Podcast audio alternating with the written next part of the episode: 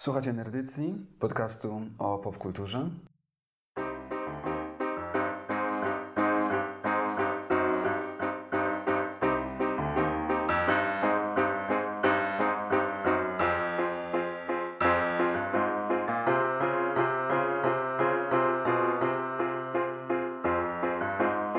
I od roku już e, prowadzimy go my, czyli Damian I Kuba. i witamy Was w naszym w związku z tym jubileuszowym odcinku, który przy okazji też jest naszym pierwszym e, dorocznym Halloweenowym odcinkiem, więc będzie i o wspominkach, i o Halloween. No ale na sam początek chyba jest sprawa e, ważniejsza, większa, poruszająca nas wszystkich, do której też chcieliśmy się odnieść. Myślę, że trzeba to powiedzieć, że nerdycyjnie wspieramy strajki i protesty, które teraz się odbywają w związku z zaostrzeniem prawa antyaborcyjnego. Tak, i wyrażamy poparcie, wsparcie i pełne zrozumienie. Co tam słychać, powiedz? Przeziębiony byłeś, ale wyszedłeś z tego i podejrzewam, że miałeś dużo czasu w trakcie przeziębienia, żeby pooglądać sobie jakieś różne fajne rzeczy, czy nie? Tak, byłem nawet więcej niż przeziębiony i w związku z tym miałem dość sporo czasu i faktycznie oglądałem różne rzeczy. D- głównie zbingowałem dwa seriale, słuchaj, nowe Netflixa, czyli rosyjski Into the Lake albo To the Mhm. Lake, nie pamiętam do końca, a drugi to Barbarians. Mhm. e, niemiecki znowuż. I obie I te co, produkcje nie były któryś? zbyt dobre. Polecam może Barbarians bardziej niż Into the Lake, zależy kto co lubi. Ten rosyjski serial był taki troszkę siermiężny. Mhm. W tym sensie, że y, troszkę tak wyglądał jak polski serial, tylko że z większym budżetem, ale jeszcze bardziej taki no taki konserwatywny po prostu, no nie będę obwijał w bawełnę, Mhm. po prostu taki konserwatywny i męski bardzo. I to Mhm. widać i słychać Okej, nice. No taki też e, będzie w tym sensie. jeden z naszych filmów, który dzisiaj będziemy omawiać, e, więc dobrze, dobrze się może składa. Ja z kolei oglądałem głównie horrory, które e, zadałeś mi w pracy domowej. Nie no, żartuję. Oglądałem horrory dla, dla, na dzisiejszy odcinek sobie trochę i, i to był mój główny, moja główna kontrybucja ostatniego czasu, ale też z kolei obejrzeliśmy inny serial niemiecki, też na Netflixie, em, o uroczym tytule Oktoberfest, piwo i krew. I tak, nie A polecam. faktycznie, faktycznie brzmi uroczo. Nie, nie, nie polecam, nie polecam. Ale sześć odcinków, taki był, wiesz. Można zbingować yy, w zmęczony wieczór, ale nie polecam. No to co? Chcieliśmy sobie zacząć od jakichś wspominek em, jubileuszowych. Co, co, co, co powiesz, Kuba? Wspomnienia. Jak cię, jak cię nostalgicznie, słuchaj. Czy, czy nie masz takich uczuć na razie? Weź to, dopiero rok minął. Więc myślę, że aż tak, aż tak nostalgicznie jeszcze na to nie patrzę. Mam wrażenie, że, że, że dopiero co nagrywaliśmy pierwszy odcinek. Tak. E, no ale na pewno mieliśmy parę, wiesz, nieza, niezapomnianych momentów nerdycyjnych. Mam, mamy już nawet jeden niewypuszczony odcinek e, tajemniczy, Tajne. w sensie Blade Runnera, żeśmy mieli dwa podejścia, jedno jest niewypuszczone. Tak. A ty To masz prawda. jakieś takie klasyczne nerdycjowe momenty?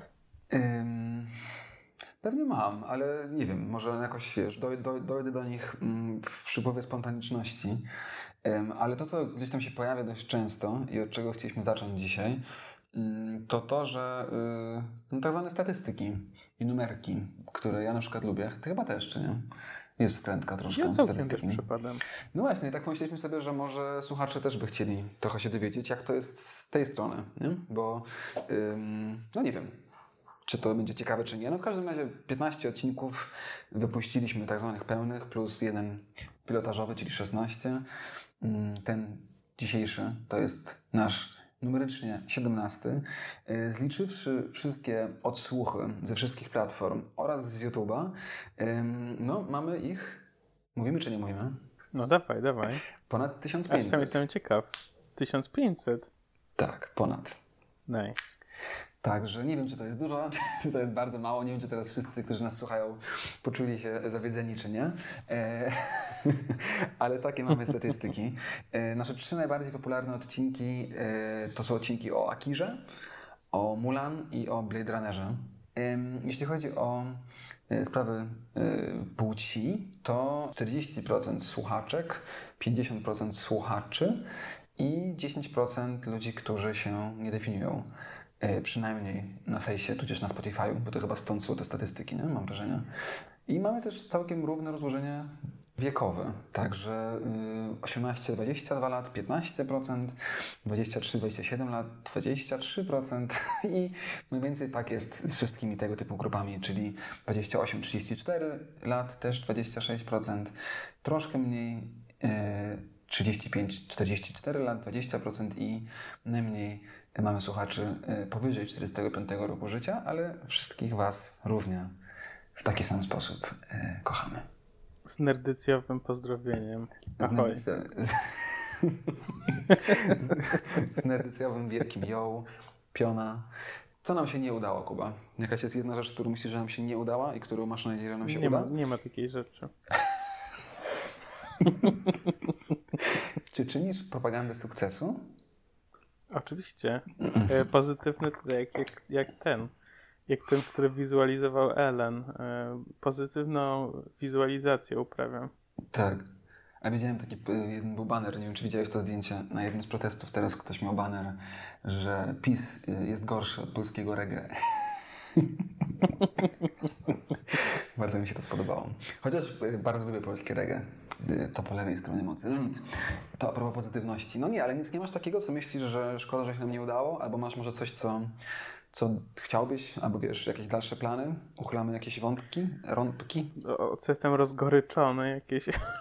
Tak, wylej trochę goryczy, wylej trochę złości. Jakiś trochę jestem zawiedziony tym, że tym jak zrobiliśmy odcinek o Star Wars chyba, najbardziej. Tak? No ale to nie był nasz ostatni odcinek o Star Wars, w sensie ja, ja na to na pewno nie pozwolę. Moim 50% komisyjnym na pewno Że to musieli... dziwne jakoś, tak, że go na dwie części podzieliliśmy. Mhm i coś tam. Na pewno będziemy musieli wrócić do Star Wars, to na pewno, i zrobić porządny, narracyjny odcinek. Najbardziej mnie boli to, że był w takiej niskiej jakości dźwięku. Okej. Okay. O, i to jest dobry segue do powiedzenia tego, że dzisiaj odcinek pierwszy nagrywamy na nowym sprzęcie, e, który mamy taki sam, więc miejmy tak. nadzieję, że jakość dźwięku będzie lepsza od tego odcinka. Mhm. Taką mamy nadzieję. Albo jeśli nie od tego, to od następnego, bo musimy jeszcze, wybaczcie, jeśli nie będzie lepsze, bo musimy y, dokładnie jeszcze ogarnąć, jak działa nasz nowy sprzęt. To co? Pytasz mnie, co, co mi się wydaje, że nam się nie udało? No. Tak, zadajcie to pytanie, chcesz.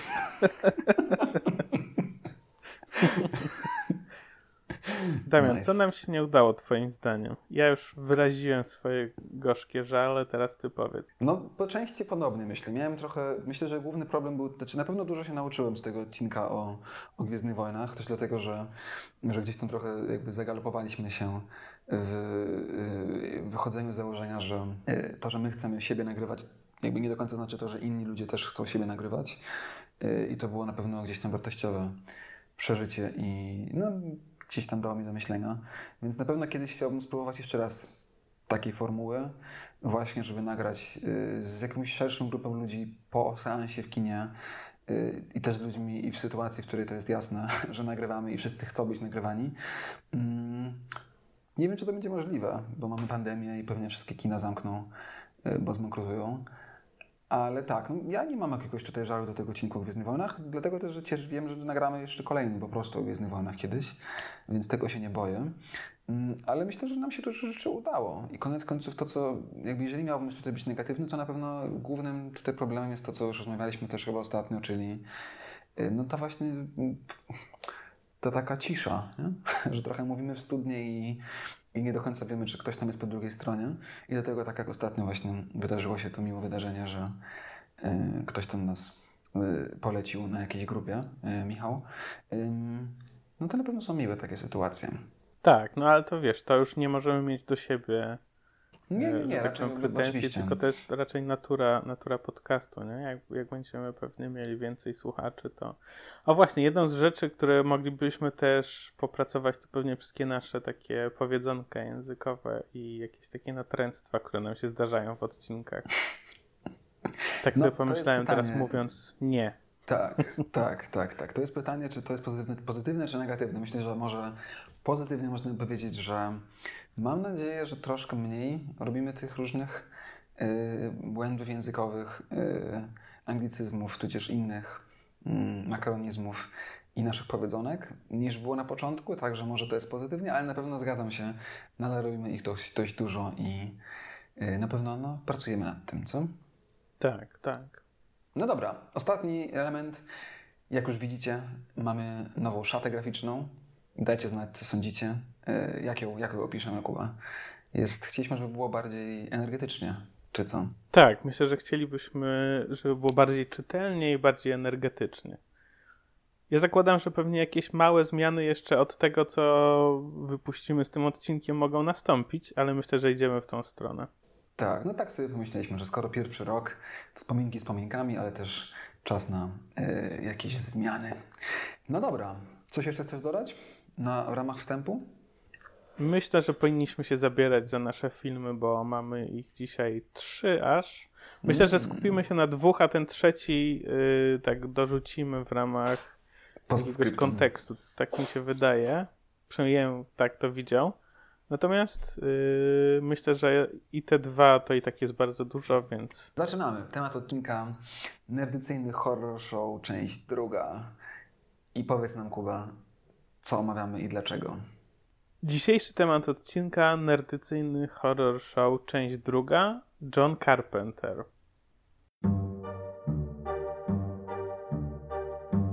I będziemy omawiali dwa jego filmy i jeden dodatkowy. I będzie to Halloween oraz The Thing, czyli No, coś. Tak. I ty masz ogólnie dużą wkrętę w Carpentera, czy nie? Yy, wkrętę? Powiem ci, że zaczynam mieć. Nawet polecałem w jednej nerdycji e, jego ścieżki dźwiękowe, Unreleased e, sound, Soundtracks, czy jak to się tam nazywało. E, czyli ten zbiór takich niewypuszczonych jego kompozycji do różnych horrorów. I pewnie jak teraz sobie wrócisz do tego i odsłuchasz, to zobaczysz, że one mają taki klimacik właśnie jego, jego, jego, jego, jego filmów.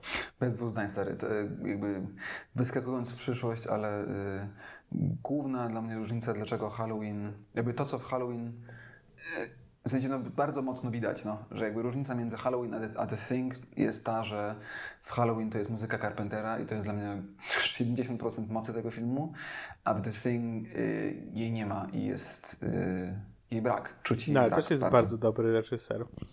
W- muzyczny w sensie. Kompozytor. E, Czyli ale nie Ennio każdy- Morricone. Nie każdy kompozytor dobry robi zawsze dobre kompozycje. To też prawda. No dobra, ale to co, Carpenter, co, pogadajmy o nim, bo Carpenter. dzisiaj będzie wokół niego. Co nam powiesz, Kuba? Słuchajcie, John Carpenter, głównie kojarzony z horrorami, ale tak jak już tutaj padło, też kompozytor muzyczny. I tak naprawdę od samego początku komponował albo współkomponował muzykę do filmów. Co tak jak mówisz, no słychać i widać, bo ta muzyka super współgra z obrazem. Tak. Yy, Głównie reżyserował filmy pod koniec lat 70. i na początku 80. i z tego, jest, z tego okresu jest najbardziej znany.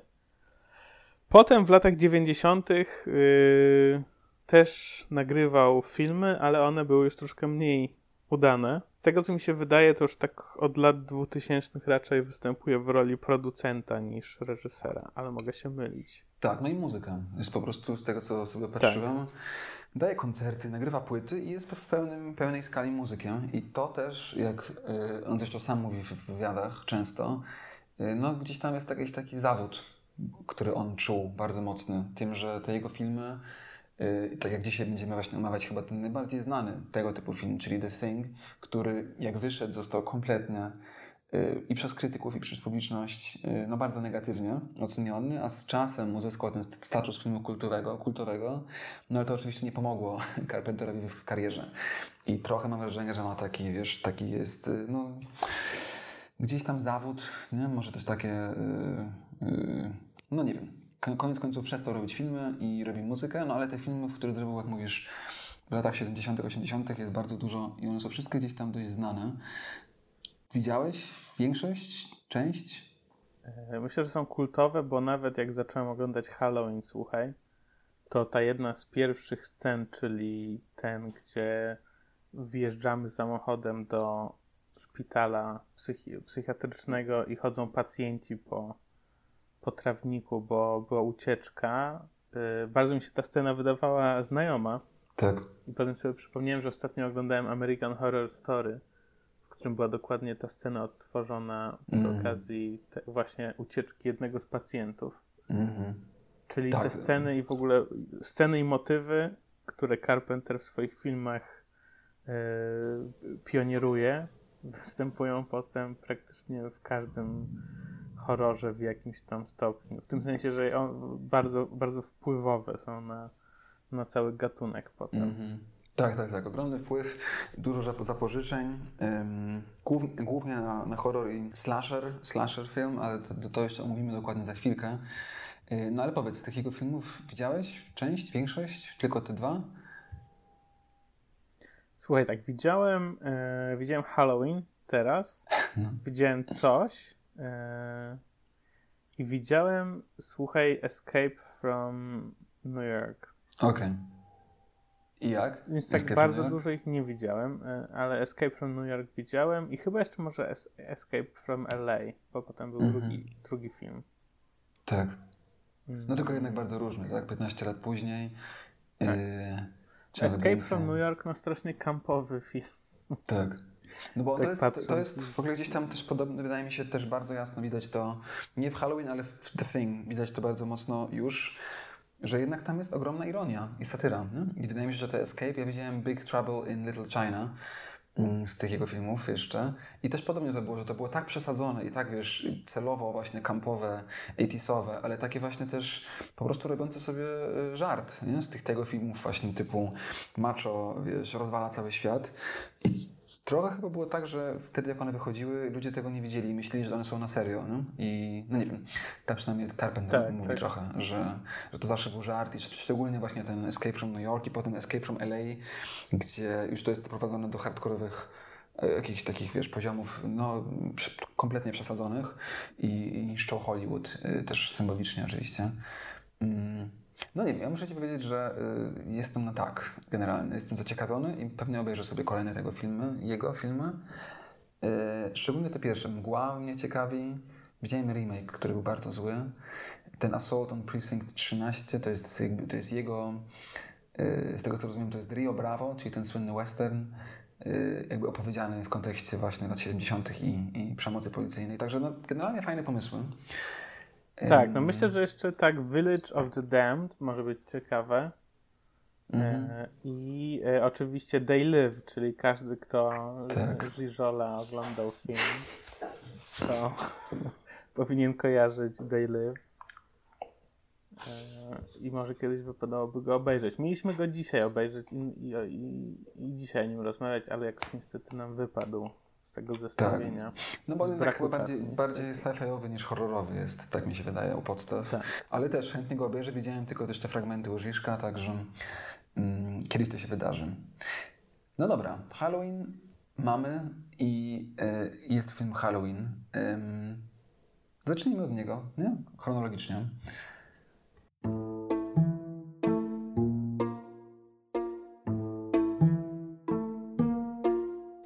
Tak, myślę, że możemy zacząć. Yy, czy robimy jakieś wprowadzenie o tym, czym jest slasher? W ogóle No może powinniśmy, może powinniśmy. To ty nam powiedz, bo ty jesteś dzisiaj specjalistą horrorowo slasherowym. Ja tutaj o, już tak, nagrywam tak, z nie... zaciśniętymi powiekami to wszystko. już tak nie przesadzajmy. E, no slasher to generalnie jest taki podgatunek horroru, w którym e, tak jak ja to kojarzę, przynajmniej mamy jakiegoś mordercę. E, w ogóle od czego jest slasher? Od cięcia, od slashowania, tak? Mhm. E, I zazwyczaj jest to jakiś taki film, w którym właśnie mamy mordercę, który próbuje po kolei zabi za zabić osoby z jakiejś grupy, zazwyczaj nastolatków. Dzieje się często w takich miejscach typu e, obóz, albo jakieś takie miejsca kojarzone z białą, średnioklasową młodzieżą. E, zazwyczaj są tam elementy erotyczne, które są w jakiś tam sposób istotne do filmu i cechuje się też odpowiednią ilością gore, czyli takich e, wizualnych efektów pełnych krwi i tak dalej. Mhm. Tak. Czy chciałbyś dodać jakieś jeszcze bardzo. No tylko dwa zdania. Nie, no wszystko jest super, tylko y, dodałbym jeszcze to, że y, jak zawsze skądś to się wszystko bierze i, i y, Psycho Hitchcocka i generalnie Hitchcock oczywiście to jak zawsze y, y, ogromnie wpływowy, także Psycho Hitchcocka jest gdzieś tam uważany za jeden z pierwszych, y, a taki no, jakby ten, który zapoczątkował tę falę właśnie, bo lata 70. i 80. to był jakiś taki okres, kiedy slashery były bardzo, bardzo popularne. To jest Black Christmas z 75 roku. Nie wiem, czy to widziałeś, Kuba, ten film? Nie, nie, nie widziałem. Ja też nie wiem, że zrobili też remake w zeszłym roku, jak wszystko. E, I, e, I tak, no i te filmy slasherowe są gdzieś tam, przynajmniej dla mnie, osoby, która e, no nie jest bardzo tutaj horrorowo predestynowana, jest ciężkie, bo no właśnie jest ten element, te elementy lania się krwi i kończyn. Ale tak, y, jest jeszcze fajne, coś mi się spodobało, podobno popularne, nie wiem, powiedz czy to prawda, bo widziałeś na pewno więcej slasherów niż ja, ale podobno często pojawia się y, topos, tak zwany final girl trope, czyli topos ostatniej dziewczyny, czyli że dość często w tych filmach, szczególnie od lat 70. mamy do czynienia właśnie z bohaterkami, a nie bohaterami i że jak już wszyscy inni zostają pozabijani, to często jest tak, że ostatnią jest właśnie y, jakaś dziewczyna, która potem tego tegoż tam złola yy, gdzieś tam unicestwia. I rozumiem, że to się też bardzo jasno wynika właśnie też z Halloween, tego filmu dzisiejszego naszego, nie? Tak, tak. No, tak jak widzieliśmy u Carpentera w tym filmie, w Halloween, mamy tą Jamie Lee Curtis, która koniec końców przeżywa. To pytanie, ja, ja wiesz co, zastanawiałem się nad tym, bo wkleiłeś nam tutaj dwa takie cytaty ładne a propos tak. Final Girl i seksualności i seksistowskiego i nieseksistowskiego. Tak, no. Chcesz od tego zacząć? I w ogóle miałem rozkminkę taką. Tak, zacznijmy, Dobra. wiesz. To może ten cytat wejdźmy. I w ogóle miałem rozkminkę. Tak, zaraz przeczytamy. E, w ogóle miałem rozkminkę mm, o, o, wiesz, o, o horrorach i o tym, jak o nich myślimy i jak akademicko o nich myślimy i tak dalej. I że jednak bardzo dużo jest, że tak powiem, w obserwatorze, nie? Czyli prawda jest in the eye of the beholder. Zależy kto tak. na to patrzy, tak będziemy to interpretowali. No bo z jednej strony no. y, mamy taką mamy taką krytykę, że jednak te filmy są bardzo seksistowskie, nie? Mhm. Czyli, że jakoś tam są konserwatywne, dlatego że próbują ukarać tą młodzież i te dziewczyny za to, że są zbyt otwarcie seksualne i tak dalej. Ale poczekaj, może po kolei. No, mówisz, no, no. O, o, mówisz o, o, tym Halloween, czy mówisz ogólnie o slasher films? Mówię ogólnie o slasher films i e, też ten cytat, który wrzuciłeś, dotyczy tego filmu, nie? Tak, ten, te dwa cytaty są tylko o tym filmie, tak, tak, tak. Tak, no ja mówię też ogólnie szerzej -hmm. o szerzej o gatunku horror i slasher. Tak, tak, tak. Tak, tak jak przy, przy na przykład w pierwszym polskim slaserze, który ostatnio wyszedł, czyli e, w tej nocy w lesie nie zjaśnie już nikt. Mhm. Też y, reżyser próbuje grać na tym tropie właśnie, że pierwszą para, pierwsza para, która ginie, to jest para, która chciała uprawiać seks albo coś mhm. takiego. Już nie pamiętam dokładnie, ale ta seksualność zawsze tam jest bardzo istotna. Mhm. No i ten tradycyjny wątek interpretacyjny, e, pewnie który dotyczy większości filmów, tak mi się wydaje, z wyjątkami takimi jak Halloween na przykład, czyli tych takich mniej, w sensie tych bardziej przełomowych horrorów. Wydaje mi się, że jednak faktycznie jest taki konserwatywny, że właśnie, wiesz, mamy tą Amerykę lat 70. czy 80., mamy e, konserwatywne, konserwatywne przedmieścia klasy średniej i mamy tą młodzież, która zaczyna eksplorować seksualność i nagle wtedy pojawia się seryjny morderca i ich zabija. Mhm. Tak, no to może jakby nie robimy już tych streszczeń, ale tylko tak, żeby gdzieś tam nadać kontekst może, tak, że w tym Halloween właśnie z 78 roku opowieść dzieje się na przedmieściach, czy tam w takim małym miasteczku raczej yy, fikcyjnym, ale bazującym, rozumiem, gdzieś tam stereotypowo bardzo mocno yy, na takim po prostu typowym małym miasteczku wtedy. I yy, mamy do czynienia z grupą nastolatek, które y, no, sobie żyją i są wszystkie niańkami dla y, dzieci klasy średniej swoich sąsiadów. No i generalnie jedyne, czym się zajmują, to właśnie planowanie y, randek, tudzież jakieś tam przygody seksualne. Oprócz naszej głównej bohaterki właśnie, która no, jest też taką bardzo stereotypową gdzieś tam postacią tej dziewczyny, która, która no jakby tam przed inicjacją, tak? I, i ona jako jedyna przeżywa mm, a te wszystkie inne y, po kolei giną z rąk seryjnego mordercy. I do tego mordercy jeszcze oczywiście dojdziemy. Y, to, co mówisz, Kuba, jest na pewno bardzo ciekawe i istotne. Ja do końca nie wiedziałem, przez to też, że, że nie wiedziałem, bo nie, nie, nie widziałem tych filmów, więc trochę mi to wzięło zaskoczenia, że tam jest taka właśnie ilość, y, no gdzieś tam jednak takiego bardzo konserwatywnego oglądu na świat. Nie? Tak jak mówisz, tak? I i ciekawe też jest to, że w sumie i sam Carpenter sam się w wywiadach na przestrzeni lat y, sobie sam zaprzecza. Czas, czasem mówi, że tak, czasem mówi, że nie. Te dwa cytaty, o których tutaj wspominałeś, może przeczytajmy je, albo przynajmniej sparafrazujmy je, nie? żeby też było wiadomo, do czego się odnosimy. Pierwszy cytat jest y, o tym, że, że wiele krytyków filmowych w momencie, kiedy ten film wyszedł, czytało jego przekaz jako krytykę społeczną braku czy utraty moralności właśnie nastolatków w późnych latach 70. w Stanach. No i w związku z tym to, że ta główna bohaterka, która przeżywa, jest niewinna i czysta, e, dzięki temu, że jest niewinna i czysta, przeżywa.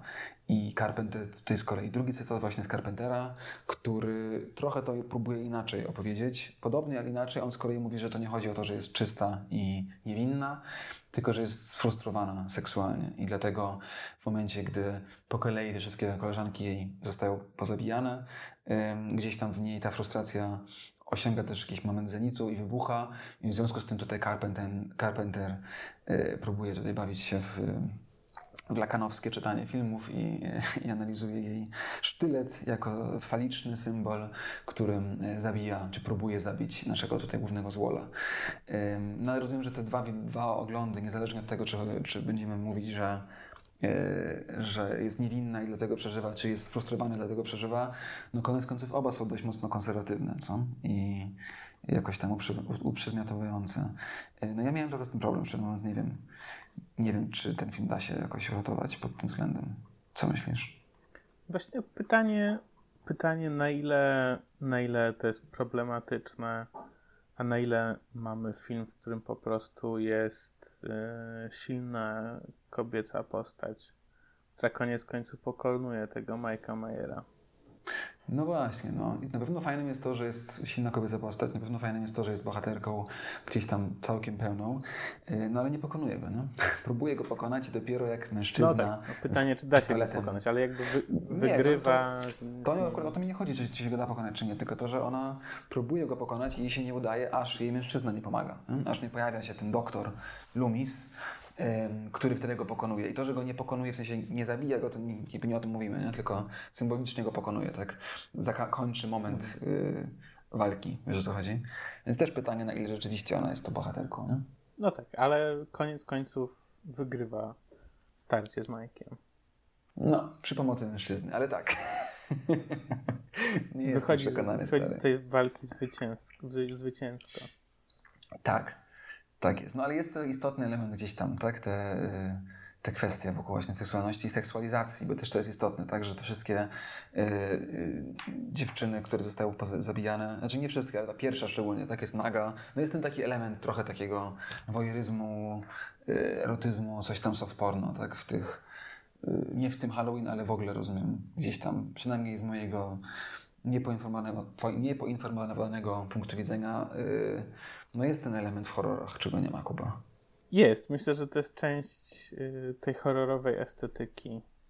Ale w ogóle myślę, że horror jest bardzo dobrze się nadaje jako to miejsce, albo przynajmniej jakoś jest bardzo zawsze mocno powiązany z tą seksualnością.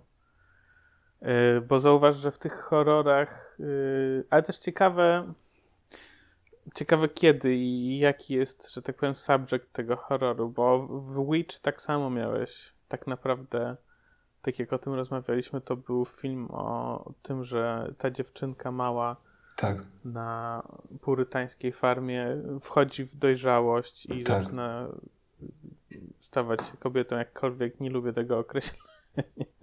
Wydaje mi się trochę obrzydliwe. E, W sensie nie no, takie ale- creeperskie, nie wiem czy wiesz co chodzi. E, No i że ta seksualność jakoś zawsze w tych horrorach się pojawia, nie? Tak. Bez dwóch zdań. Wydaje mi się, że to może być. tym- Jedynie, o co mi chodzi, to to, że czasem to wydaje mi się działa, czasem nie działa. No. I w Halloween Carpentera trochę zaczęliśmy jakoś tak z negatywnego punktu widzenia, więc zaraz na pewno jeszcze omówimy te wszystkie rzeczy, które nam się podobały i tak dalej, ale ja miałem na pewno problem z tym. No. Wydaje mi się, że to nie było, to nie był film, który był y, w pełni y, czysto świadomy i zamierzony, wiesz, pro kobiecy, tylko raczej wydaje mi się, że to był y, no taki, tak to, co, to czym to było, tak? Niskobudżetowy, y, gdzieś tam y, off-mainstreamowy slasher horror, no który jest też z 78 roku i no i tyle. I jakby nie, nie, nie mówię tego, żeby, wiesz, gdzieś tam mu coś zabrać, bo podobał mi się ten film. Naprawdę był dobry pod wieloma innymi względami, no ale wydaje, wydaje mi się, że ten aspekt właśnie relacji damsko-męskich, kobiecości, no nie jestem przekonany tymi tłumaczeniami różnymi właśnie i, i krytyków, i Carpentera, że to, że to nie jest tego typu wizja, bo moim zdaniem bardzo jasno jest powiedziane właśnie to, no, że ta, która przeżywa jest tą, która jest czysta, ci, którzy umierają są e, ubrudzeni w cudzysłowie, e, w cudzysłowie e, przez ten właśnie seks, wiesz, przedmałżeński czy jakikolwiek. No i właśnie postać Michaela w tym też moim zdaniem się łączy, ale z postacią Michaela mam, mam jeszcze inne problemy, ale... Tak, z Michaelem, z Michaelem z kolei jest tak, że oprócz tego, co właśnie powiedziałem, czyli tej, tej nie do końca jasnej tutaj relacji, tak, czy, inaczej powiem, dla mnie ona jest jasna i wydaje mi się, że ona nie jest nie do końca jasna. Dla mnie jest jasne, moim zdaniem, w moim czyta- czytaniu tego filmu, jasno jest powiedziane, że Michael jest tym traumatycznym, straumatyzowanym dzieckiem, który chciał, czy po- pożądał swojej siostry w relacji seksualnej e, i w związku z tym, że ta siostra prowadziła seks ze swoim chłopakiem, a nie z, z nim, swoim bratem, ją zabił i jakby moim zdaniem to jest tego typu opowieść, no, gdzieś tam wiesz, edypowo, elektrowa no, mity greckie i tak dalej się włączają, tak? Mm, to w kontekście tej seksualizacji. Do tego chętnie usłyszę Twoje zdanie, jak Ty to widzisz. Drugim elementem, tylko żeby dokończyć, który ja mam ogromny problem z Michaelem Myersem jako, jako złolem, y, jest to, no, że mamy tutaj coś, co wydaje mi się bardzo niebezpieczne i społecznie złe, czyli postawienie na równi choroby psychicznej ze złem. Nie? I, I rozumiem, że jakby to jest film dla zabawy i tak dalej, ale to jest coś, co nie tylko w horrorach, nie tylko w slasher films nie tylko w kinie, kategorii B, czy tam off, off mainstreamowej, ale też po prostu niestety w całkowicie mainstreamowym w kulturze jest, wydaje mi się, bardzo częste. I, i mi się wydaje to nie do końca fajne. O, jestem ciekaw, co, co, ty, co, ty, co ty masz na to do powiedzenia, Kuba, na te dwa moje zarzuty tutaj. Znaczy nie, bo nie na zarzuty. Tak, no rzeczywiście to jest dość e, problematyczne, ale też myślę, że to jest znak czasów i że jednak całkiem sporo przyszliśmy od, ta, od, tam, od, od kiedy ten film wyszedł, jeśli chodzi o mówieniu o chorobach psychicznych. To faktycznie się rzuca w oczy, myślę. Ale w, to jest w tych w wydaje mi się, że to jest- kolorach? Tak, tak. Wydaje mi się, że to jest po prostu pewna specyfika tamtych czasów i tego, jak się w ogóle mówiło o tamtych, o, o tych rzeczach. Co oczywiście nie znaczy, że nie jest to problematyczne, nie? Ale Tak, tak, tak. No może, może masz rację, mówię, ja nie widziałem tylu horrorów, więc nie wiem. Mam nadzieję, że tak jest, że te nowe horrory już takie nie są. Mm, No ale na pewno ten, ten, ten topos gdzieś tam z tego też się wy, wychodzi, nie? Z tego Halloween, yy, który był, jak powiedziałeś, tak bardzo wpływowym filmem też. No myślę, że tutaj zdecydowanie już padło kilka razy, ale jeszcze raz trzeba to powiedzieć, że jednak ta muzyka, która buduje napięcie w tym filmie i co, no myślę, że, że, jednak, że jednak on sporo robi tutaj. tą ścieżką dźwiękową, bo nadaje tym wszystkim scenom, gdzie obserwujemy tą Jamie Lee Curtis trochę z tej wojerystycznej perspektywy Majka, y, jednak takiego napięcia, jakiejś takiej grozy. Tak. Tak, tak, tak. Muzyka była świetna. Była naprawdę świetna i yy, no bardzo dużo dawała. Bardzo dużo dawała temu filmu i yy, no i tak, pomimo tego, że gdzieś tam wiedziałem i jakby wiesz, nie, że ma, nadejdzie coś yy, przerażającego, to nadal trzymała i łapała i, i przerażało to wszystko. Nie? tak, tak, tak.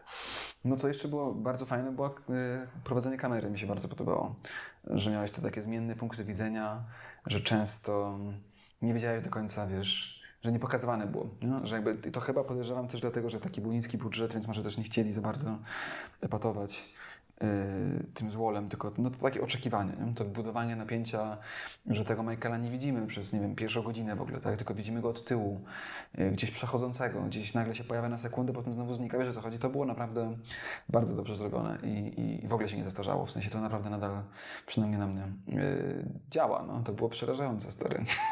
No ja w ogóle czytałem, że on, że Carpenter był jakimś pionierem, jeśli chodzi o wykorzystanie właśnie technologii jakichś kamer Steadicam chyba.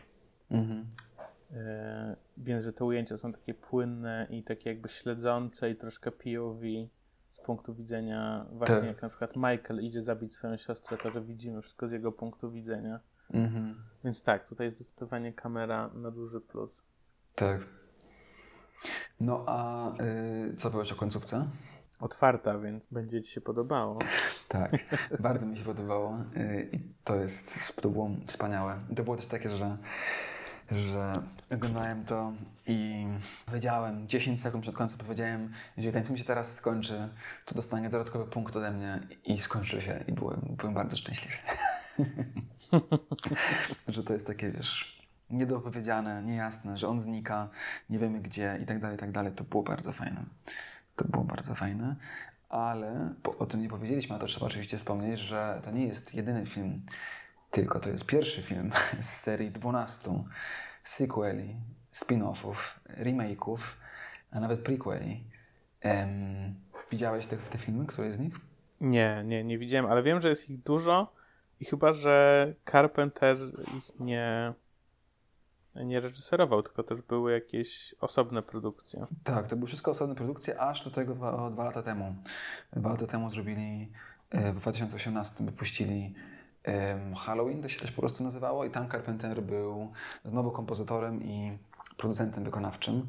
I to, tego też nie widziałem, ale to był jedyny z tych sequeli, który gdzieś tam mnie zaciekawił nawet, bo y, zrobili tak zwany retcon, czyli po prostu wypuścili ten film 40 lat później, Yy, i ogłosili, że wszystkie filmy pomiędzy, a, a, a, wiesz, ignorują, nie? że jakby to jest po prostu sequel do tego filmu pierwszego, który wszystkie poprzednie filmy kompletnie ignoruje i no jest ta sama aktorka, ci sami aktorzy i tak dalej, także po 40 latach, więc yy, no nie wiem. Mają wyjść kolejne dwa, także to będzie trylogia za rok i za dwa lata. Yy, może obejrzymy na następny Halloween. Co myślisz? No, ja mam plany, słuchaj, na następny Halloween. Yy ugryźć Cronenberga. Okej, okay, to może być Ale zobaczymy, podcast, czy, tak. zobaczymy, czy po, po, po, po The Thing będziesz chciał oglądać jego filmy. No a powiedz coś o Michaelu. Jakoś bym usłyszał od Ciebie chętnie jeszcze coś, co o nim myślisz w ogóle, o tej postaci. I zarówno w ramach, no w ogóle, jako zło i jako postać, co myślisz? Yy, on mi się bardzo kojarzy z, z Jasonem. Z jakim Jasonem? Z piątku 13. To jest też taka seria horrorów, nie? To jest też, on ich, tych, ich, tych, ich też tak, jest bardzo tak, dużo. Tak, okay. I Jason to jest taki też morderca z taką maską jakby okrągłą na twarzy? To jest ten w masce hokejowej, tak. No bo Michael w ogóle tak naprawdę nie, no jest trochę tak jak mówisz, on jest takim takim naczyniem, w którym po prostu pływa sobie to całe zło i trochę go nie poznajemy, trochę nie wiadomo kim on jest, jak wygląda, jakie są jego motywacje. Wiemy tylko, że, że zabił swoją siostrę i teraz z jakiegoś powodu stalkuje Jamie Lee Curtis. To, to jestem pewien, że się pojawia, tylko nie wiem w którym z tych sequeli, ale w jednym z nich próbują robić, dodać wytłumaczenia, dlaczego Michael zabija. I, yy, i to był chyba jakiś taki sequel, który y, wszyscy nienawidzą, fani, i został potem jakoś, wiesz, kolektywnie skreślony z pamięci, jak y, nieistniejąca trzecia część Ojca Chrzestnego też podobnie mm, nie istnieje, że Michael jest jakimś wysłannikiem jakiejś grupy, która powiedziała mu, że jeżeli nie zabije całej swojej rodziny, to zabiją wszystkich ludzi na świecie. Czyli taki próbowany jest taka próba zrobienia spinu, że on tak naprawdę jest dobry. Nice, to mi się podoba. Taki, taki, taki powinien być kanon. No i właśnie potem pojawiają się jakieś osoby, które pomagają mu w zabijaniu. I w związku z tym, dlatego właśnie, żeby uchronić społeczeństwo, coś tam, coś tam. No nie wiem, stary. To jest generalnie rabbit hole i można nieźle w to wpaść i trochę wpadłem i zrozumiałem, dlaczego jest ta moc tych horrorów. Także yy, jest, no, dużo można sobie tam czytać o tym. No dobrze, to co? Czy przechodzimy do The Thing, które pojawia się zresztą w tym filmie? No właśnie, to idźmy dalej. Omówmy kolejny film Carpentera, a potem jakoś to może podsumujemy. Zrobił Halloween w 78, potem The Fog, Escape from New York i The Thing, czyli Coś. I ty ten film bardzo lubisz, Kuba. I powiedz nam y, o nim i, i, i swojej relacji z nim. Bardzo lubię ten film. E, jest to film o grupie, grupie naukowców i ludzi w ogóle w bazie arktycznej, tak dobrze mówię? Bo w, w jednym filmie oni są na górze, w drugim filmie są na dole. Tak, w tym starym filmie są na, e, Globu. na y, biegunie północnym, a w tym z 82 są na y, Antarktyce. Ale i to, i to nakręcone jest na Alasce, także. Zinfiltrowana i zainfekowana przez coś z kosmosu. I mi się w tym filmie zawsze podobał ten klimat właśnie, że y, jest wśród nich ktoś, kto jest zarażony, ale nie wiadomo kto. I y, jest cała taka detektywistyczno-horrorowa wkrętka w to, żeby zidentyfikować tą osobę. Tak. I jakoś zawsze mi się ten, y, ten pomysł, ten premis mi się bardzo, bardzo podobał. Mhm. Co zresztą teraz jest Among Us, jedna z najpopularniejszych ostatnio gier. No właśnie, w trakcie oglądania Dokładnie ten sam że, wątek y, że, wykorzystuje. Że ten film to po prostu jest ekranizacja Among Us w wersji hardcore. No właśnie, bo mój, mój stosunek do tego filmu może nie jest aż taki ciekawy. Mi się wydaje, że bardziej to, jak ty reagowałeś na ten film, może być ciekawsze, bo wiem, że musiałeś go na dwie tury obejrzeć. Nie, no nie Że musiałeś tak. sobie zrobić przerwę na drinka. Tak, no koniec końców było tak, że yy, że yy, no Powiem tak, na pewno mnie ten, ten film był, no ale zanim ja powiem o mnie, chcę jeszcze usłyszeć od Ciebie, bo to mnie ciekawi, jak to jest, że ten film oglądasz, mówisz, że często i też rozumiem jako, jako od lat, czyli nie tylko jako teraz, tylko w ogóle. A on był dla mnie bardzo traumatyczny w swojej wizualności i był taki właśnie, to, to, to było to, co było dla mnie najcięższe, że był straszliwie mm, obrzydliwy. Y, bez dwóch zdań najbardziej obrzydliwy film, jaki widziałem w życiu. Y, I był, no właśnie, a tobie to nie przeszkadza, czy co? Czy ty to lubisz w ogóle, czy jak? Ty, co powiem ci, że o dziwo tym razem bardziej mi przeszkadzało. Jakoś zauważyłem, zauważyłem, zauważyłem, że z biegiem lat się robię coraz bardziej wrażliwy i e, obrzydliwy na takie rzeczy. Ale nie, wiesz co, ja, ja, ja doceniam ten jakby kunszt wizualny tego filmu. Bardzo lubię te efekty wizualne, ale trochę trudno mi się nimi tak bardzo brzydzić, bo widać, że one są stare, w sensie widać, że się zestarzały. E, I nie są jakieś takie aż tak bardzo obrzydliwe dla mnie. W sensie rozumiem jakby ten body horror, który tam występuje i to morfowanie się tych ciał i tak dalej, natomiast ja widzę, że to jest sztuczne i dla mnie to nie jest aż tak obrzydliwe z tego powodu. Mhm. Ciekawe, bo ja mam dokładnie na odwrót, szczerze mówiąc. I wydaje mi się, że dlatego ten Tak, że dla ciebie to jest tak takie tak, visceralne. no, no, że na przykład y, taki film jak Hobbit, który zawsze tutaj używam jako przykład, ale niestety y, jest to najlepszy przykład. Film Hobbit trylogia Hobbita w ogóle na mnie nie działała i nie byłem w stanie jej obejrzeć, bo ta ilość komputerowo wygenerowanych twarzy, ludzi, krajobrazów, po prostu wszystkiego, yy, wyglądała tak sztucznie i dodatkowo jeszcze ten element, tego w tym filmie nie ma, ale to, że to jest nakręcone dwukrotnie szybciej i tak dalej, ale to, co, to, co chcę powiedzieć, to to, że dla, na mnie efekty specjalne, takie właśnie bazujące na, yy, wiesz, yy, marionetce i na... Takie praktyczne. Tak, efekty praktyczne. No, dużo bardziej działają i dużo mniej się starzeją niż efekty komputerowe. Dla mnie tak, tak, tak jest. I, i ten film... Yy, no powiem tak, w trakcie oglądania naprawdę było ciężko. Też może dlatego, że oglądałem go sam. No i tak, robiłem sobie przerwy, yy, gadałem sobie z tobą, oglądałem sobie jakieś inne rzeczy, żeby trochę ten yy, spuścić z, z napięcia, yy, ale też dlatego, że po prostu nie przywykłem do takich filmów, nie lubię takich filmów, czy nie oglądam, ale yy, bardzo doceniam te efekty, jakość tych efektów, to, że się dla mnie właśnie nie zestarzały i nadal działają. I tak, wiadomo, że to są jakieś, wiesz, gumowe maski, które ktoś trzęsie, ale to, że jak to było zrobione i do tego jeszcze, o tym jeszcze będziemy sobie rozmawiać na pewno e, zaraz, ale to, jak to było zrobione, naprawdę działa. Mm. No więc tak, w sensie straumatyzował mnie i miałem jakby 2-3 dni miałem flashbacki tych różnych scen hardkorowych przemian i obrzydliwości. E, ale całościowo bardzo mi się podobał. Bardzo, bardzo mi się ten film podobał. I cieszę się, że, że go obejrzałem i cieszę się, że będziemy sobie o nim zaraz rozmawiać. No właśnie, się, ja się bałem, że wiesz, że nieodwracalnie cię zepsułem, że jesteś taki precious pod tym względem. Nie no, na pewno nie jest Ja ci tutaj, wiesz, wrzucam cię na głęboką wodę. Wiesz, filmy z odcinającymi się dłońmi i w ogóle ale nawet może troszeczkę bardziej będę otwarty na te doświadczenia. Że wiesz, wrzuciłem cię od razu na głęboką wodę The Thing, e, chociaż, chociaż mieliśmy oglądać The Fly, więc myślę, że tutaj uniknąłeś kuli. No właśnie, mówisz, że to jest jeszcze bardziej hardkorowe, tak? Wydaje mi się, że The Fly jest jeszcze bardziej hardkorowe. Okej. Okay. Ale w innym trochę wymiarze. Mhm. No może, słuchaj, może. No w każdym razie, słuchaj, zeszły, pogadajmy sobie o nim. W takim razie już to ten. Jak powiedzieliśmy, totalna klapa finansowa.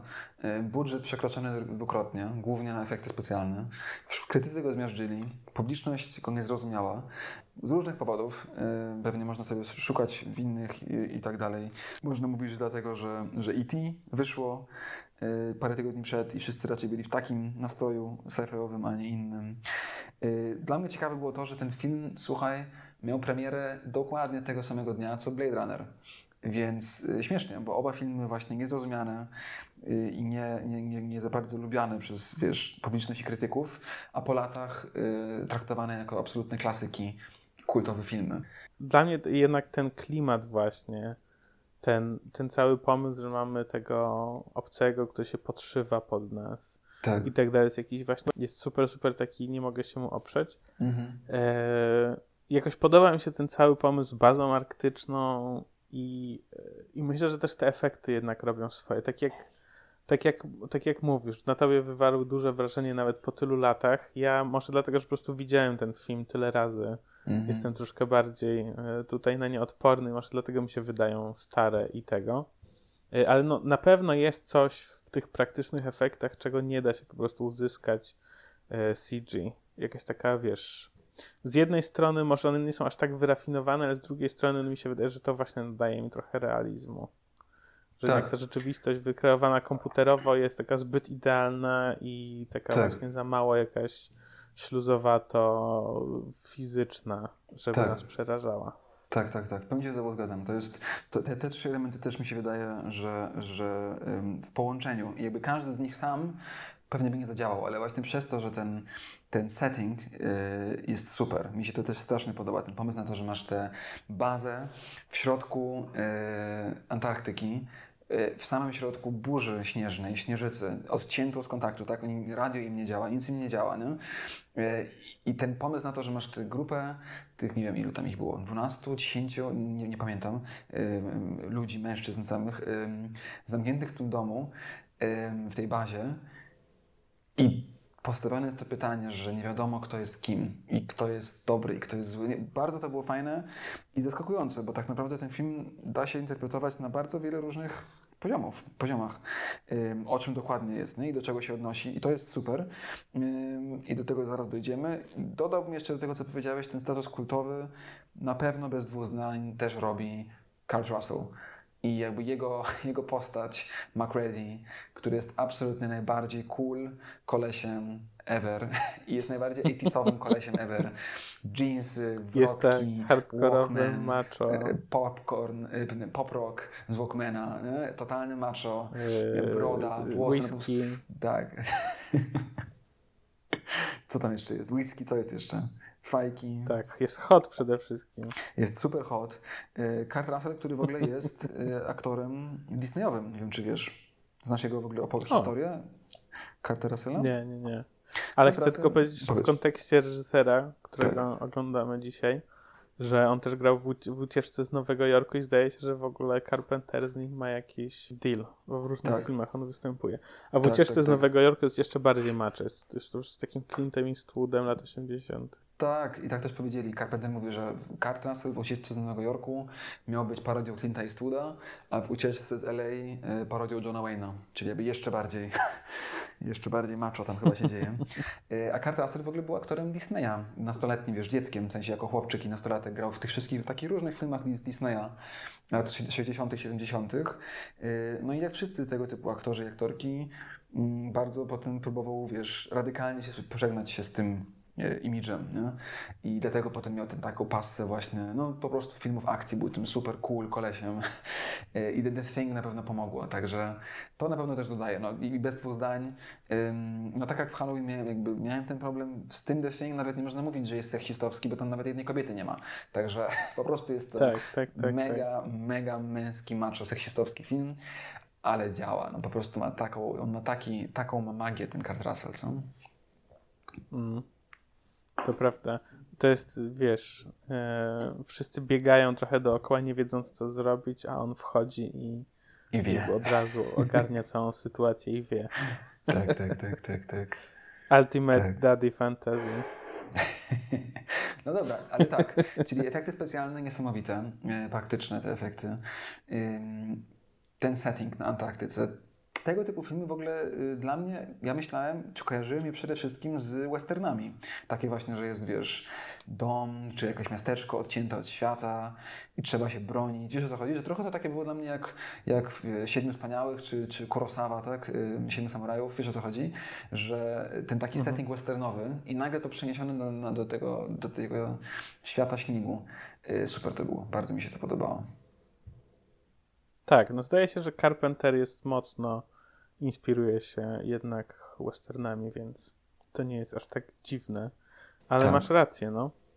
No i jesteśmy już przy westernach, widzisz tutaj jak ładne, jakie ładne przejście. Yy, muzykę robił Ennio Morricone, który robił oczywiście wszystkie ścieżki dźwiękowe do właśnie westernów z Clintem Eastwoodem yy, w roli bezimiennego ym, Sergio Leone. I, i, I co? I mi się ta muzyka w ogóle nie podobała. A tobie? Nie podobała ci się? Nie. Dla mnie jednym z bardziej problematycznych, znaczy z rzeczy, które mi się najmniej podobały w The Thing była muzyka. W ogóle mi się nie podobała, w ogóle mi nie wchodziła. No nie wiem. Ja y, jakoś ten film muzyczny mi się podobał. Tum, tum, tum, tum. Tum, tum, tum, tum. Ten główny, nie, ten główny theme był fajny. Ten główny theme na potwora był bardzo fajny. Ale brakowało mi tego, co było w Halloween. No, brakowało mi takiej muzyki, która ten film ciągnie. Wiesz co chodzi? Że jakby myślałem sobie, że gdyby ten film był jaki jest, ale jeszcze właśnie Carpenter zrobił swoją muzykę, wydaje mi się, że byłby naprawdę dużo lepszy. No tak, bo wtedy można bardziej zgrać tą wizję y, z, ze ścieżką dźwiękową. No nie wiem, może masz rację, No. trzeba by przesłuchać tej ścieżki, ale wydaje mi się, że wiesz, że z wielu różnych zarzutów, które można postawić, ten nie jest aż tak zły, więc przyjmuję go. tak. Nie, no też przesadzam. No i kolejny, tak, Powiedz. kolejny film, w którym mamy niejasne zakończenie, więc myślę, że znowu dla ciebie to był plus. Carpenter tutaj rośnie, dlatego mówię, że chętnie obejrzę resztę jego filmów, bo rośnie tutaj na mojego nowego faworyta. Człowieka, który nie boi się otwartych końcówek i zostawia widzowi ten ostatni, y, ostatnią przyjemność. To jest, kto jest cosiem. To jest coś. No. I to jest chyba ten ostatni element, dlaczego ten film jest taki kultowy, bo troszeczkę tak jak z Blade Runnerem, który właśnie wyszedł tego samego dnia, wszyscy fani przez lata, przez dekady, aż Denis Villeneuve postanowił zniszczyć to jednym ruchem, e, dyskutowali o tym, czy... czy czy ym, Descartes, Harrison Ford z Blade Runnera jest czy nie jest replikantem. tak samo, y, jak sobie poczytałem w internetach troszeczkę, fandom The Thing dyskutuje do dzisiaj. Kto pod koniec z tych dwóch, którzy przeżywają, czyli McCready i Childs, no właśnie, oboje są cosiem, żaden z nich nie jest, jeden z nich jest. Co myślisz? No ja właśnie yy, zawsze sobie wyobrażałem, że to jednak nie postać Kenta Russella.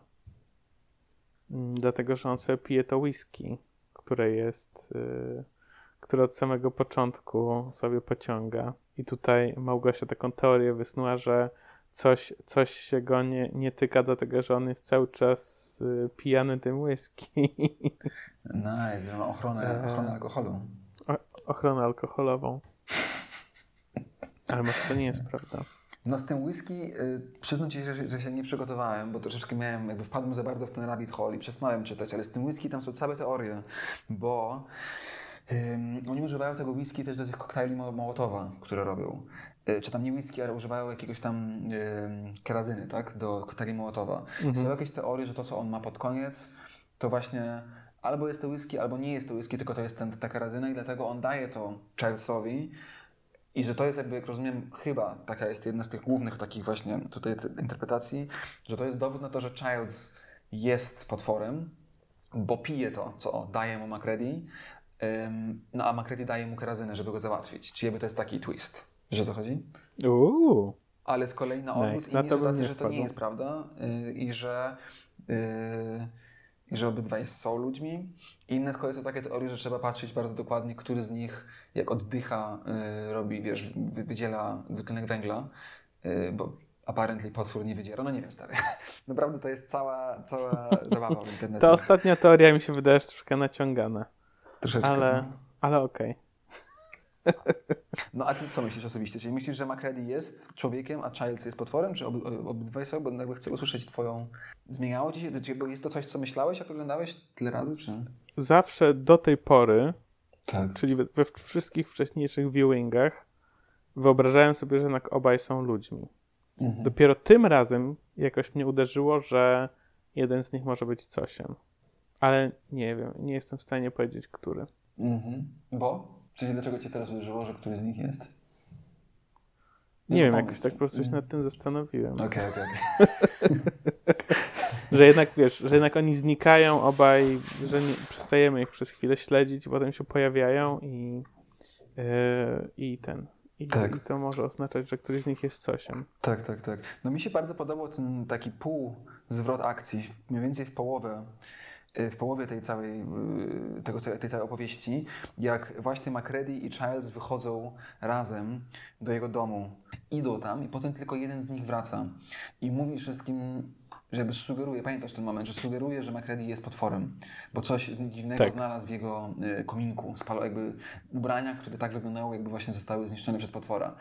I od tego momentu to mi się strasznie spodobało i to było moim zdaniem super, że ten film daje nam też tę sugestię, że może nasz główny bohater, którego tak bardzo lubimy i się z nim ident- identyfikujemy i jest super cool, może on też już stał się potworem.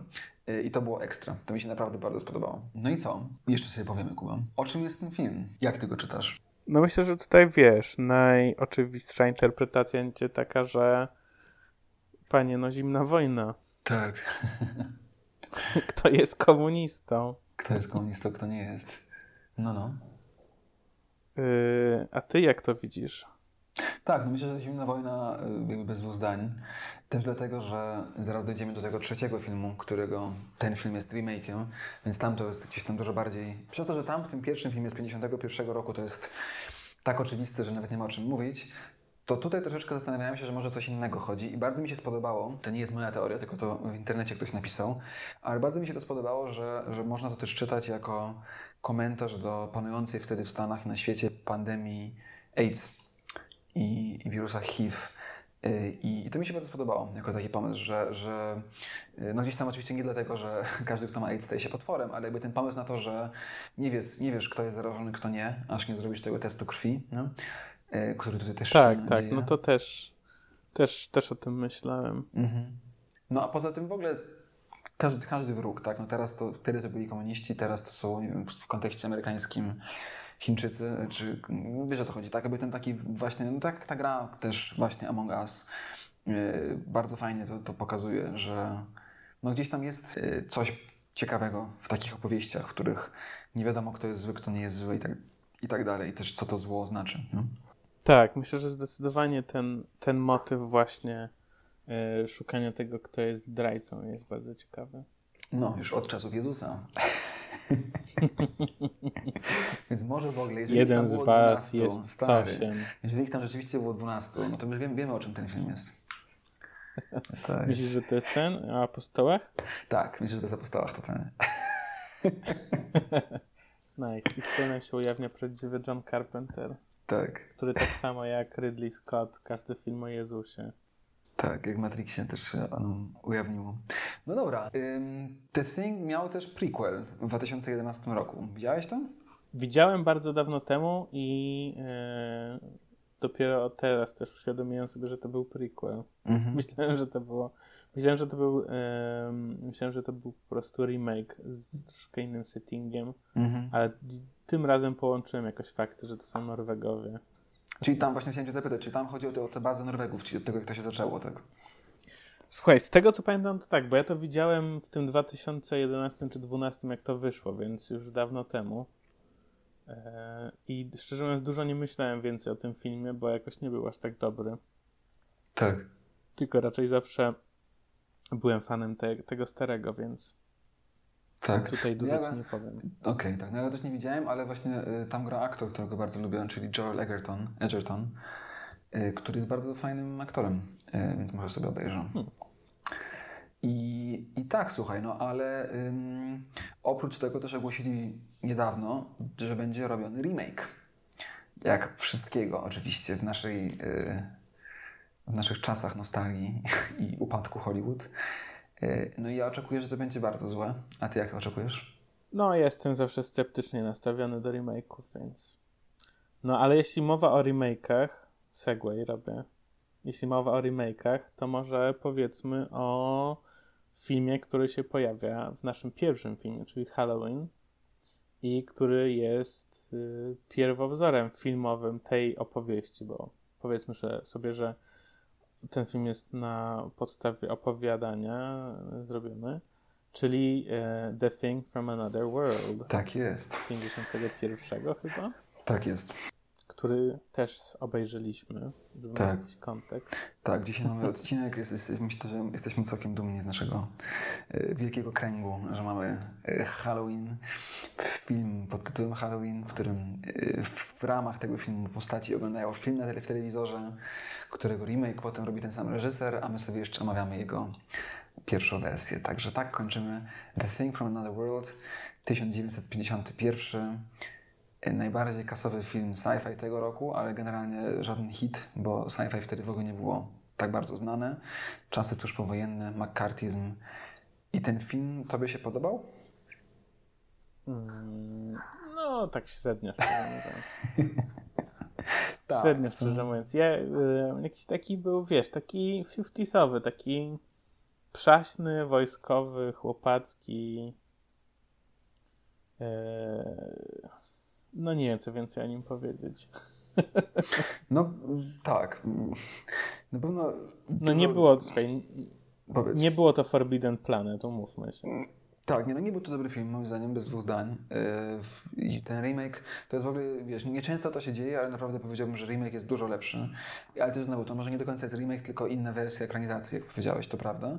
Chociaż yy, Carpenter też bardzo świadomie nawiązuje do tego filmu. Nie? To, że. To, tak, że... no myślę, że na, na sam początek, czyli intro, Tak. Są praktycznie identyczne. I to są takie same, ale no w ogóle miałem wrażenie, że to bardziej jest jakby, był, trochę bardziej było jakby, tak naprawdę to był ten prequel, w sensie oglądałem to trochę bardziej tak jakby myśląc, że to co się dzieje w tym filmie z 51 roku, to jest ta baza tych Norwegów i potem ten film w 82 roku jest po prostu kontynuacją.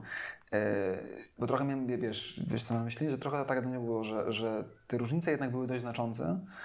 E, Do połowy. To mówię, to wszystko dzieje się do połowy. Jak się pojawia potwór i wielki, wielki zwrot akcji o potworze, zaraz do tego dojdziemy, to, to jednak co innego tam się dzieje. Mm, No to, że wycinają go, wiesz, z bloku lodu, że to jest ten sam blok lodu, który ten MacReady w 82 roku znajduje. Wiesz o co chodzi? Że jakby tych takich jakby puszczania oka do widza było dość dużo y, między tymi filmami, nie? Myślę, że na pewno, na pewno się tutaj inspiracje były. Pytanie, na ile y, to wszystko jest w tym opowiadaniu. Ja je mam na półce, stoi nieprzeczytane cały czas. A, okej. Okay. Ale może kiedyś mi się uda i wtedy zrobimy update nerdycjowy. Mhm. Okej, okay. ciekawe, no to też znać.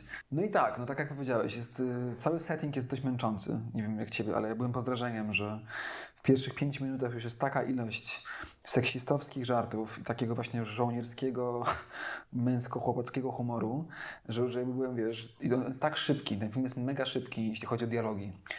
E, nie wiem, czy też takie miałeś wrażenie, ale miałem wrażenie, że te dialogi są strasznie szybkie i jest non-stop tekst, y, odpowiedź, tekścik, odpowiedź, żarcik, żarcik, tekst. Wiesz, że to bardzo to było prędkie. E, I ilość tych właśnie seksistowskich żartów i takiego żołnierskiego no zmęczył mnie. I jakby zrobiłem pauzę, byłem taki okay. No myślę, że tutaj nie ma co ukrywać, że jest to, wiesz, że jest to film dla konkretnego odbiorcy, który wtedy oglądał science fiction czyli dla jakichś nastoletnich chłopców, więc tak. te postaci są nieskomplikowane, nie mają żadnej głębi. Tam są takie właśnie te seksistowskie żarty, wszystko jest takie proste i, i siermiężne. Tak. E, i, i, no tak, no myślę, że ja to, ja to oglądałem, wiesz, tak jak się ogląda stary film w telewizji, który gdzieś sobie leci, więc tak pół uważając, pół nie. I jedząc tak. lody, bo byliśmy w arktycznych klimatach. Tak, tak, tak. No, ja miałem trochę nadzieję, że to może będzie, wiesz, jakieś odkrycie, że obejrzymy sobie stary film sci-fi i będzie, będzie wow. Yy, ale nie było, tak? Nawet mimo, to, że nie było tam tylko mężczyźni, też była postać kobieca, sekretarki, która była tylko i wyłącznie prowadzona, żeby główny bohater miał to zwany love interest. Yy, no, generalnie był to naprawdę ciężki film. Nic dobrego, nic ciekawego, ale y, też nie, nie był tak negatywny. No, w sensie parę tych scen było fajnych, czy nie? Co ci się podobało? Było coś, co ci się podobało, czy nie? Ciężko, Damian, ciężko. Ty zawsze mi zadajesz takie podchwytliwe pytania podstępne. Ja nigdy nie chcę mówić, ty mnie zmuszasz. No, wy, wy, wy, uzewnętrzniamy się w tym podcaście. Czy coś, czy, coś, czy coś chcę ratować z tego filmu? Nie, nie chcę nic ratować. Okay, Był. Okej, okay. okay, można było go obejrzeć, ale tak jak mówię, tak. Raczej nie jest jakiś bardzo pamiętliwy. Okej, okay, no nie, mi się bardzo podobało, mi się, ja nie, nie, nie, może to też wiesz, y, inny punkt widzenia, ale mi się akurat bardzo podobało y, postać y, Aliena. To było bardzo fajne. Nie, nie jak był zrobiony wizualnie, bo wyglądał jak Frankenstein i był mega nudny i beznadziejny, ale bardzo mi się podobało i to mi się trochę skojarzyło z jednym z filmów, który omawialiśmy parę odcinków temu, um, czyli Andromeda Strain. I ten pomysł na to, że przybysz z kosmosu jest zupełnie inny niż my w swojej e, budowie komórkowej. No i koniec końców to była trochę taka, wiesz, wege propaganda, nie? Bo tak jak w film... tak, mi się to od razu powiedz. skojarzyło z y, Attack of the Pod People. Tak. Tam też był taki wątek warzywno-roślinno jakiś tam. Okej, okay, tak ja nie widziałem tych filmów z lat 50. jest bardzo dużo takich właśnie sci-fiowych i ciągle ich nie widziałem. Widziałem te późniejsze, lata 70., 80. i wcześniejsze, nie ma. A te lata 50. ciągle na mnie czekają, ale chciałbym. Może kiedyś zrobimy miniserię, byłoby miło. Albo przynajmniej pogadamy o nich. Bo tam jest dużo tych filmów, które, które mnie jakoś kręcą. Widziałem The Day uh, When Earth Stood Still, dzień, w którym zatrzymała się Ziemia. Uh, I on mi się bardzo podobał. To ten sam rok, chyba nawet 51 albo drugi. Mhm. Tak, to e, był, no, ale to tak. całkiem fajny film. Ale mówmy się, że był trochę tak. bardziej ambitny. Dużo bardziej ambitny. Nie, no to tak sobie żartuję, tak, ale jakby pomysł na to, że ten, to coś przybył z kosmosu w tym 82 roku właśnie zmienia postać i staje się e, kopią e, innych organizmów ludzkich tutaj, to był, tego nie było, tego wątku, tylko on jest po prostu zwykłym, takim klasycznym złolem, ale to, co było fajne właśnie, wege propaganda tutaj jako żarcik, oczywiście, to to, że jest rośliną. I ta scena mi się bardzo podobała, była bardzo zabawna, było bardzo 50sowo, właśnie w których banda białych mężczyzn dziwi się, że rośliny też mogą mieć uczucia, o i że i tak dalej. Także to mnie całkiem rozbawiło. No ale tak, y, byłem też bardzo pod wrażeniem, że w tego typu filmie była taka ilość, znaczy nie było tego dużo, ale w ogóle to, że w tego typu filmie nawet udało im się też mieć hardkorowy rasizm. Nie wiem, czy zwróciłeś na, zwróciłeś na to uwagę, Kuba? Tak, pamiętam, że coś tam było takiego, ale już nie pamiętam co. Ja stosuję wyparcie. tak, nie no, były, były, była jedna scena, w której kompletnie randomowo, przez naprawdę ułamek sekundy jest taki mega stereotypowy y, Chińczyk, który jest kucharzem i oferuje mu kawę. E, I to było bardzo dziwne, no ale najbardziej takim mocnym momentem i to takim... To mi się wydało, że to akurat był Inuita. A, okej. Okay. Ale nazywali go Mr. Lee, dlatego myślałem, że okej, okay. to prawda. czyli Inuici. No tak, czyli taki w ogóle jeszcze multi, multi, multi, multirasizm. E, okej. Okay. Tak, nie, to co mnie zaskoczyło i to tak pokazuje Ci, co było w ogóle możliwe i dozwolone w tych filmach lat 50. było to, że w jednej ze scen, jak właśnie gonią potwora, aliena, uzbrojeni po zęby i wchodzą do pokoju, w którym spotykają kogoś, kto nie wie o tym, że ten potwór uciekł, y, to on ich wita, wita żarcikiem, że wyglądają jak, y, jakby szli linczować, wiesz, jakby szli na lincz. I, i to było tak, coś, co mnie tak. naprawdę zamurowało, że jakby to było, wiesz, że tego typu żarcik był kompletnie okej, okay, nie? I nawet fajny, tak, dozwolony. No cóż, tylko pokazuje skalę problemu, z którym się zmagamy. Tak.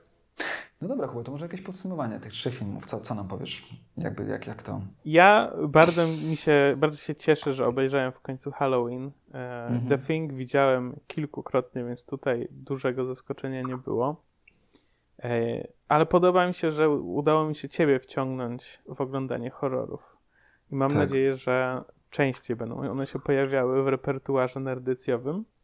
Szczególnie, że po naszej ostatniej zeszłotygodniowej rozmowie yy, tak sobie pomyślałem o tym, że horrory to zaczyna być to miejsce, gdzie można różne komentarze społeczne ładować. Szczególnie te horrory, które są, że tak powiem, bardziej przełomowe i nie robione przez kolejnego białego reżysera, mm -hmm. tylko właśnie na przykład takie jak Jordan Peele reżyseruje. Tak.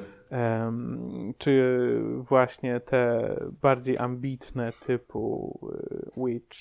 Tak. Albo już nawet niech będzie. Chociaż Lighthouse moim zdaniem jest troszkę taką wydmuszką. Akurat bardziej jest tam forma na treść przełożona, ale to już inna sprawa. Tak, tak, tak, też tak myślę. To już ale... jest rant jakiś taki. Yy, więc tak, myślę, że myślę, że na pewno trzeba się uważniej przyglądać horrorom, jeśli chcemy szukać tego komentarza społecznego. Mhm. O. W pełni się z Tobą zgadzam. Yy, ja to było moje wrażenie, jak obejrzałem Get Out dwa lata temu i byłem naprawdę pod wrażeniem, że da się właśnie użyć horroru do opowiedzenia czegoś bardzo głębokiego i ciekawego. I też się cieszę, że obejrzałem Halloween, bo mi się bardzo spodobał po swojej minimalistycznej y, oprawie i no i w ogóle pomimo tych problemów, o których wspomnieliśmy, był ciekawym filmem. No i bardzo cieszę się na The Thing, bo y, zawsze chciałem je obejrzeć. Nie wiedziałem, że jest tak hardkorowo obrzydliwe, więc może dobrze, że nie obejrzałem go kiedyś indziej, bo może bym nie było, wiesz, nie przetrwał. Ale cieszę się, że obejrzałem go teraz i... no i tak, no z tym y, pierwszym filmem z lat 50. Y, też się cieszę, bo, bo zawsze fajnie obejrzeć jakiś film, nawet jak jest zły. Ale tak, generalnie się z Tobą zgadzam. Myślę, że to jest bardzo dobre podsumowanie. A na koniec powiedz nam, co będziesz oglądać na Halloween dziś wieczorem. Co będę dziś wieczorem oglądał na Halloween? No bo dzisiaj jest 31, w sensie ten odcinek wychodzi tak. 31. miejmy nadzieję, miejmy nadzieję. E, ja bym chciał... Ja, tak. namawiam Małgosię, żebyśmy obejrzeli Hereditary. Okay, bo to jest naprawdę polecałeś mi dobry też, tak. horror. Tak. Albo będziemy coś pewnie starego oglądali takiego, wiesz, taki przaśny horror. Mhm. Natomiast y, co, myślę, że jest tutaj duże, duże pole do wyboru właśnie. Zacznijmy od tych wszystkich piątków, trzynastych, y, y, ulic związowych i innych. Mhm. Tak, myślę, że Hereditary też, jeżeli jeszcze dotrwam, ja generalnie cieszę się, że to nagraliśmy, ale pewnie potrzebuję ale jeśli, jeśli... od horroru. No, no. Jeśli ktoś chce coś naprawdę strasznego sobie dzisiaj wieczorem obejrzeć, to Hereditary to naprawdę jeszcze raz polecam. Nice. Tak, no myślę, że to będzie nasz wybór. Jeśli, jeśli wydarzy się oglądanie horrorów na Halloween dzisiaj albo, albo w ten weekend, to myślę, że Hereditary y, wydarzy się, bo już tyle razy polecałeś i tak dobrze o nim mówisz, że naprawdę jestem ciekaw. Naprawdę jestem ciekaw. To co, rekomendacje? No, rekomendacja.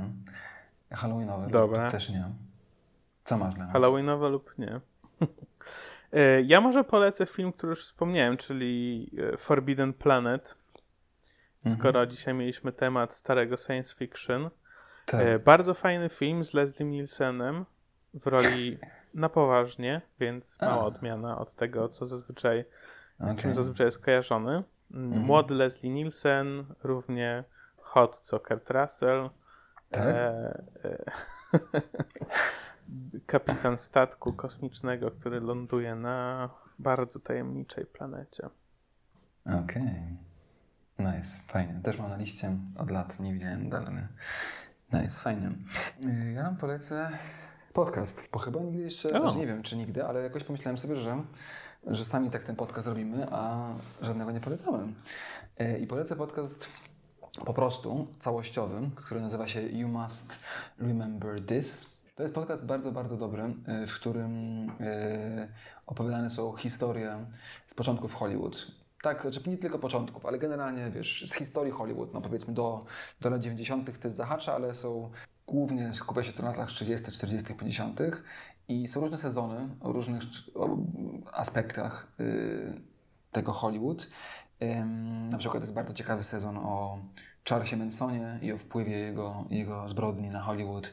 Jest super sezon o y, Hollywood podczas II wojny światowej. A ten, który dzisiaj polecę, to jest sezon o Howardzie Hughesie, który był no, bardzo ciekawym, ciekawą postacią y, właśnie w Hollywood y, lat 30., 40.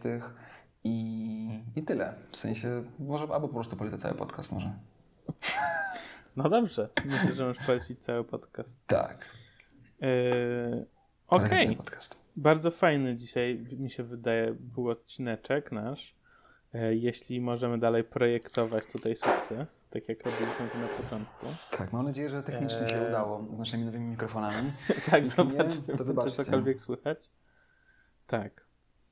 E, I co? E, Słyszymy się na pewno za jakiś czas i może powiedzmy, co będziemy omawiali. Będziemy omawiali Duna. Y, Dune, właśnie. Film. Natomiast planujemy też zrobić coś jeszcze, ale jeszcze nie wiemy co. Także śledźcie nasze socjale. Y, I tam pewnie się coś wydarzy. No. Aż sam jestem ciekaw. Trzymajcie Kuba. Trzymajcie się wszyscy ciepło. No, dzięki Damian. Uważajcie na siebie na protestach wam. i do zobaczenia. Pa, pa.